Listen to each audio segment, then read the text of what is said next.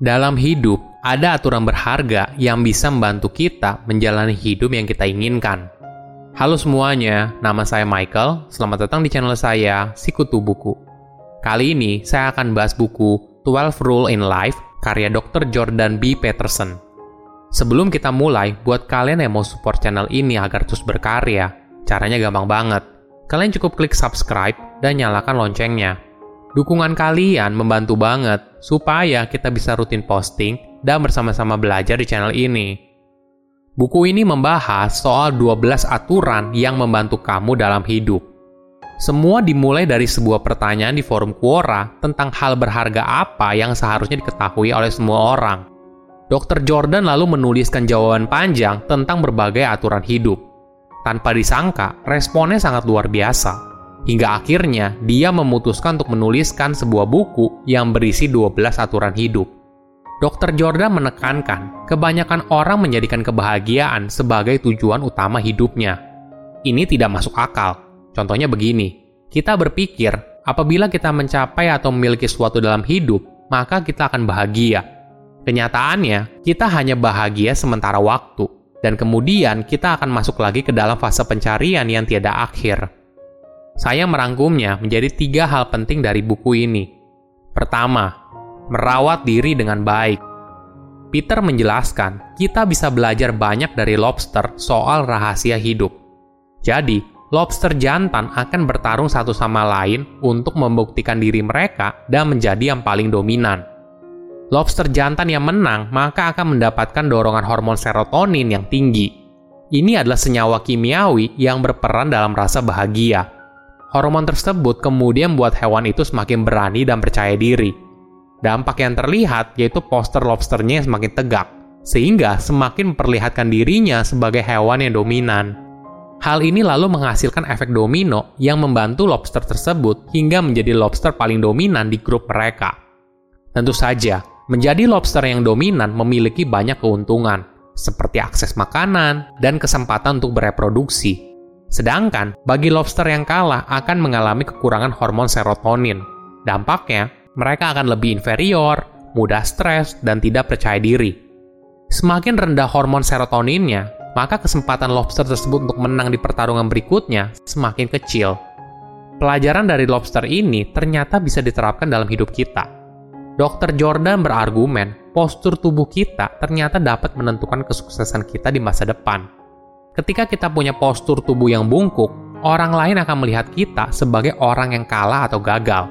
Sebaliknya, ketika kita punya postur tubuh yang tegap, maka orang lain akan mulai memperlakukan kita dengan berbeda. Postur tubuh yang tegap juga menandakan kalau kita bersedia menerima tanggung jawab dalam hidup dengan mata terbuka.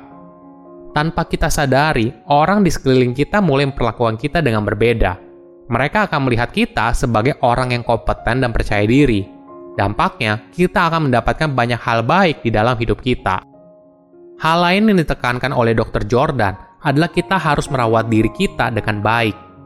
Pada dasarnya, kita lebih mudah merawat orang lain atau hewan kesayangan kita. Tapi, kita kesulitan merawat diri kita sendiri dengan baik. Menariknya, ketika kita merawat diri kita dengan baik, kita tidak bertanya, apa yang saya inginkan? Bukan juga pertanyaan, apa yang membuat saya bahagia? Tapi pertanyaan, hidup saya akan seperti apa bila saya merawat tubuh saya dengan lebih baik? Perlu disadari kalau keberadaanmu di dunia ini penting bukan hanya bagi dirimu sendiri, tapi juga bagi orang lain di sekelilingmu. Maka, kamu punya tanggung jawab moral untuk menjaga kesehatanmu sendiri. Bukan hanya bagi dirimu, tapi juga bagi orang yang menyayangi kamu. Kedua, jangan suka membandingkan. Dr. Jordan menekankan, jangan bandingkan dirimu dengan orang lain di hari ini, tapi bandingkan dirimu hari ini dengan dirimu kemarin. Tidak peduli seberapa hebat kamu atau seberapa tinggi pencapaian kamu, pasti akan selalu ada orang yang lebih hebat dari kamu. Di sini kita akan belajar soal rendah hati. Kalau di atas langit masih ada langit. Ketika kita membandingkan diri kita dengan orang lain, biasanya ada dua perasaan yang muncul, sombong atau minder. Sombong ketika kita merasa hidup kita lebih baik daripada orang lain, atau minder ketika kita merasa hidup kita lebih buruk daripada orang lain. Ini adalah kecenderungan yang biasanya terjadi di otak kita saat membandingkan satu sama lain. Kita tidak bisa berhenti membandingkan, tapi kita bisa memilih dengan siapa kita harus bandingkan hidup yang kita jalani. Perlu kita pahami bersama, kalau setiap orang itu unik dan kondisi hidup yang mereka alami juga berbeda satu sama lain.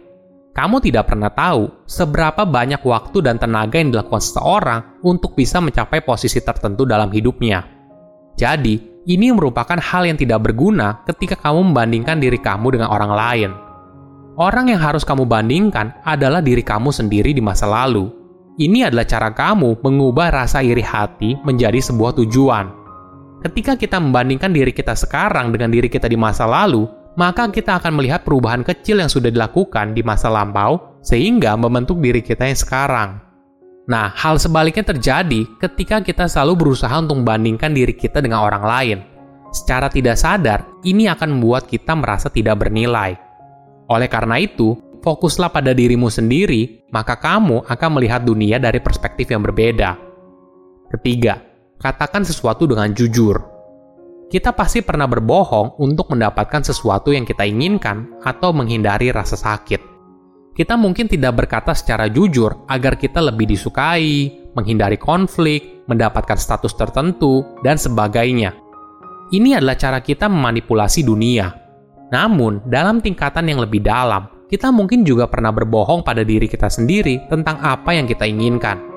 Kita mungkin pernah berpikir ingin melakukan sesuatu atau ingin mengejar mimpi yang kita inginkan sejak lama.